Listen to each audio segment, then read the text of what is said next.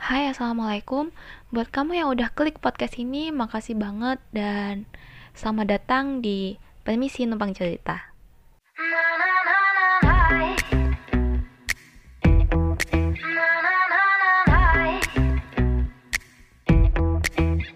Ya, selamat datang kembali di Permisi Numpang Cerita.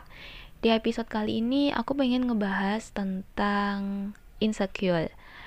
Ya mungkin semua orang udah tahu apa itu insecure, jadi kita nggak kita nggak perlulah buat ngebahas apa itu insecure. Langsung aja kita masuk ke pembahasan yang sesungguhnya. Ngebahas tentang insecure, jadi aku itu baru ngeh aja gitu kalau ternyata hidup aku tuh nggak pernah nggak insecure nggak tahu juga ya kenapa bisa gitu. Dari kecil banget nih waktu aku masih TK dulu atau kalau enggak aku SD gitu sampai sekarang yang namanya insecure itu masih merajalela dalam jiwa. Gini ya dulu waktu masih kecil itu kan aku nggak pedean nih ya sampai sekarang sih nggak pedean. Cuman dulu itu nggak pedeannya parah banget cuy. Udah gitu aku jadi pendiam banget.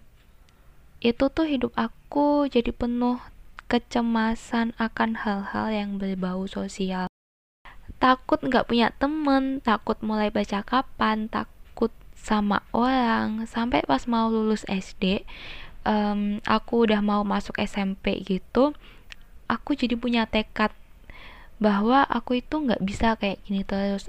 Aku tuh mesti berubah aku mesti belajar buat lebih pede gitu lebih bisa apa ya namanya lebih bisa nyapa orang lebih bisa ngomong sama orang ya at least kayak nyapa aja lah gitu.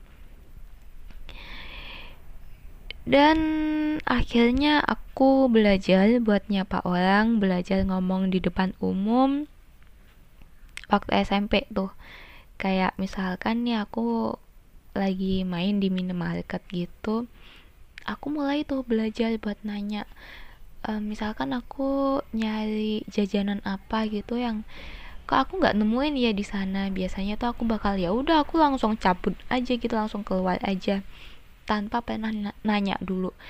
Dan waktu itu akhirnya aku belajar buat beraniin diri nanya ke um, pramuniaganya di sana akhirnya aku berani. Abis itu aku mulai berani nyapa orang kayak gitu-gitu. Dan itu berhasil kok waktu aku kelas 9 eh kelas 8 apa kelas 9 gitu.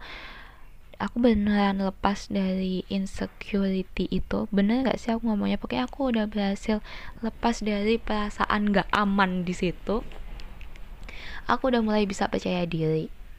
Gitu. Apalagi waktu aku SMP itu kebetulan aku masuknya di salah satu MTS yang di situ itu aku masuk di kelas yang disebutnya super kelas tapi aku nggak ngerasain kalau aku itu adalah manusia yang super dan di program kelas itu semua anak didiknya dituntut buat berani ngomong di depan umum. Jadi ya mau nggak mau aku pun mesti bisa untuk nggak nggak mesti bisa. Mesti berani untuk ngomong di depan umum gitu. Kayak aku masuk ke situ itu ya udah hoki aja gitu emang. Destininya tuh aku sekolahnya di sana gitu. Aku nggak ngerasa kalau aku tuh pintar gitu. Soalnya aku ya emang belakangan ini emang jadi bodoh banget. Emang sih dulu waktu aku SD sampai SMP itu tuh aku um, lumayan bisa bersaing sama teman-teman aku. Tapi begitu masuk SMA masuk kuliah itu udah ya Allah nggak tahu deh kenapa bisa kayak gini gitu. Udah otak tuh rasanya kayak ini otak berfungsi nggak sih?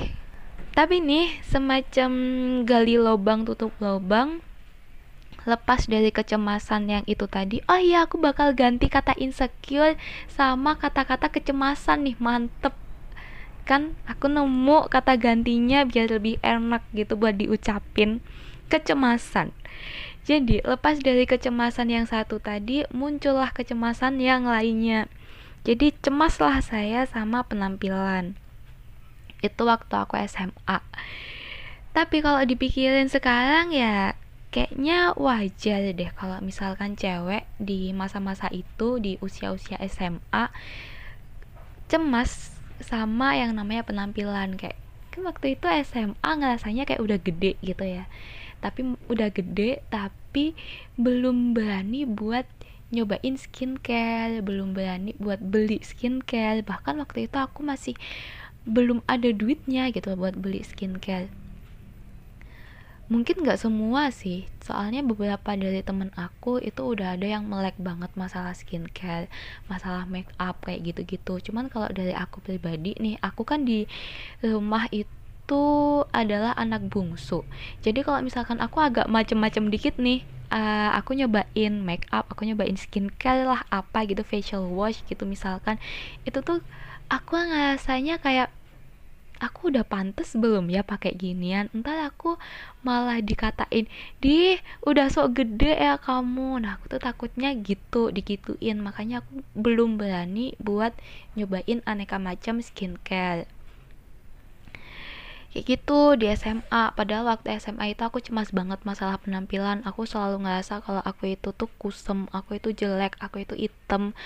Uh, mana waktu itu aku pendek lagi ya sampai sekarang sih pendeknya pokoknya kayak gitu-gitu sampai aku itu tiap kali ngaca pas mau berangkat sekolah aku pasti bilang dulu ke diri aku sendiri supaya aku pede aja gitu loh.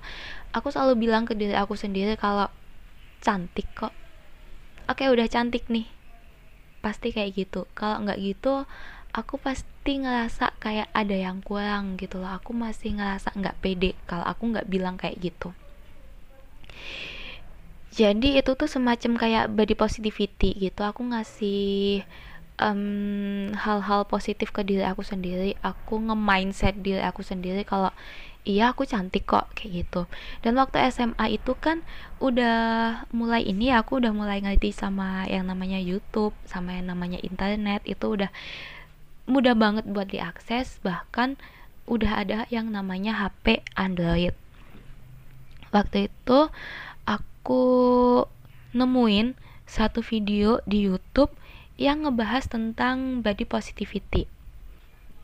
Dari sanalah aku dapat pencerahan kalau apa-apa yang ada di tubuh kita adalah segala hal yang mesti kita terima dan kita syukuri. Di video itu juga aku dapat ilham bahwa semua perempuan itu cantik dengan versinya masing-masing.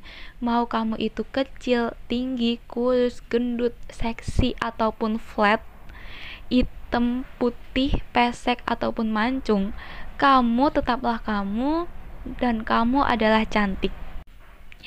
Udah nih dari sana akhirnya aku ngerti kalau kita itu mesti nerima diri kita masing-masing apa pun bentuknya. Karena emang itu yang paling baik dari Allah. Tugas kita cuman menjaga aja dengan merawat apa-apa yang udah dikasih sama Allah itu kita jaga kita rawat supaya tetap berfungsi dengan baik dan syukur-syukur kalau bisa menjadi lebih baik lagi kualitasnya atau jadi lebih enak dilihat lagi gitu loh udah nih um, selesai sama kecemasan sam, uh, selesai sama kecemasan tentang penampilan, muncul lagi nih kecemasan yang lainnya. Di usia aku yang udah awal 20-an ini, berapa sih usia aku ya? 21 apa 22 gitu sih? 21 Heeh, 21 kan aku tuh sering banget lupa sama usia aku tuh berapa. Belakangan ini sih waktu aku udah masuk ke 20 tahun itu aku jadi sering lupa gitu. Aku tuh sekarang udah 20 apa 21 ya? Apa udah dua-dua nah kayak gitu aku sering lupa gitu kan. Iya sekarang aku masih 21 Dua-duanya masih nanti. Tahun ini sih Tapi nggak di bulan ini gitu. Di usia aku yang udah segini ini Fun fact nih Aku belum pernah sekalipun pacaran Dan belum pernah sekalipun aku siap buat pacaran.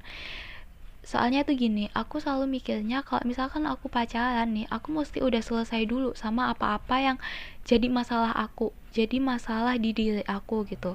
Kayak ya tentang gimana ya pokoknya aku tuh mesti udah selesai dulu sama diri aku gitu loh. Nah ini aja aku masih ada beberapa hal beberapa masalah di diri aku yang masih belum bisa aku selesaiin sendiri gitu. Loh aku masih belum bisa ngehandle kehidupan aku sendiri ya kali aku udah mau pacaran gitu. Itu satu. Dan masih ada banyak alasan yang lainnya kenapa sampai sekarang aku masih belum siap buat pacaran. Dan di usia yang segini aku masih kayak gitu padahal teman-teman aku yang lainnya udah udah gonta-ganti pacar beberapa kali bahkan ada yang udah nikah dan udah punya anak. Ya pasti ada dong kayak um, setitik kecemasan akan hal itu gitu. kayaknya ada yang salah deh sama aku. Aku sempat ngerasa kayak gitu. Kenapa ya aku kayak masih gini-gini aja? Aku belum bisa mencapai beberapa target aku yang mesti aku capai dulu sebelum aku pacaran. Kenapa aku nggak bisa mencapai hal-hal itu dengan cepat? Sehingga aku bisa um, siap buat pacaran supaya aku bisa ngikutin kayak teman-teman aku kayak gitu. Tapi balik lagi finally aku nemu di salah satu lirik lagunya Seventeen. Ini K-pop ya bukan Seventeen band Indonesia. Nemu di salah satu liriknya itu yang kurang lebih tuh bilangnya gini. Gak ada yang kecepatan dan gak ada yang telat di kehidupan kamu jadi aku nyimpulin kalau iya ya setiap individu itu punya titiknya masing-masing. Kita nggak perlu lah buat ngebandingin diri kita sama teman-teman kita yang lain. Soalnya ya mungkin emang itu yang paling pas buat kita.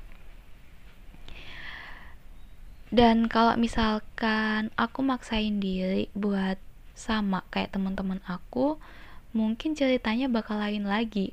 Dan mungkin aku nggak bisa menikmati kehidupan aku sekarang sebahagia ini gitu loh. Mungkin aku nggak kepikiran buat bikin podcast. Dan mungkin aku juga nggak kepikiran buat kemarin itu aku ikutan event nulis buku bareng. Pokoknya pasti ceritanya bakal beda dan aku nggak yakin kalau misalkan aku ngikutin mereka aku ngikutin jejaknya teman-teman aku aku ngikutin standarnya mereka. Kalau misalkan di usia segini kamu mesti udah uh, di usia segini kamu mesti udah mencapai ini. Di usia segini kamu mesti udah mencapai ini. Kayak gitu. Mungkin hidup aku nggak bahagia. Gitu aja sih Well, kayaknya hidup tuh emang nggak mungkin lepas dari insecure. Atau emang manusianya aja yang udah diciptain include dengan kecemasan-kecemasan itu. Seperti halnya marah, sedih, kecewa, bahagia, dan aneka perasaan lainnya. Dan kalau misalkan emang itu adalah fakta, itu adalah kenyataannya, itu maknanya Allah tuh sayang sama kita. Allah nggak mau manusia Allah nggak mau hambanya ini nih stuck di situ-situ aja. Dengan adanya kecemasan akhirnya kita berusaha kan buat memperbaiki itu buat menjadi individu yang lebih baik lagi. Ya mungkin emang Allah menginginkan hamba-hambanya itu terus memperbaiki dirinya sehingga bisa menjadi individu yang lebih baik lagi, yang lebih baik lagi dan yang lebih baik lagi. Oke, segitu aja episode kali ini. Aku Zakia, mohon maaf atas segala salah dan lupa. Percayalah bahwa semua akan baik-baik aja. Sampai jumpa. Wassalamualaikum warahmatullahi wabarakatuh.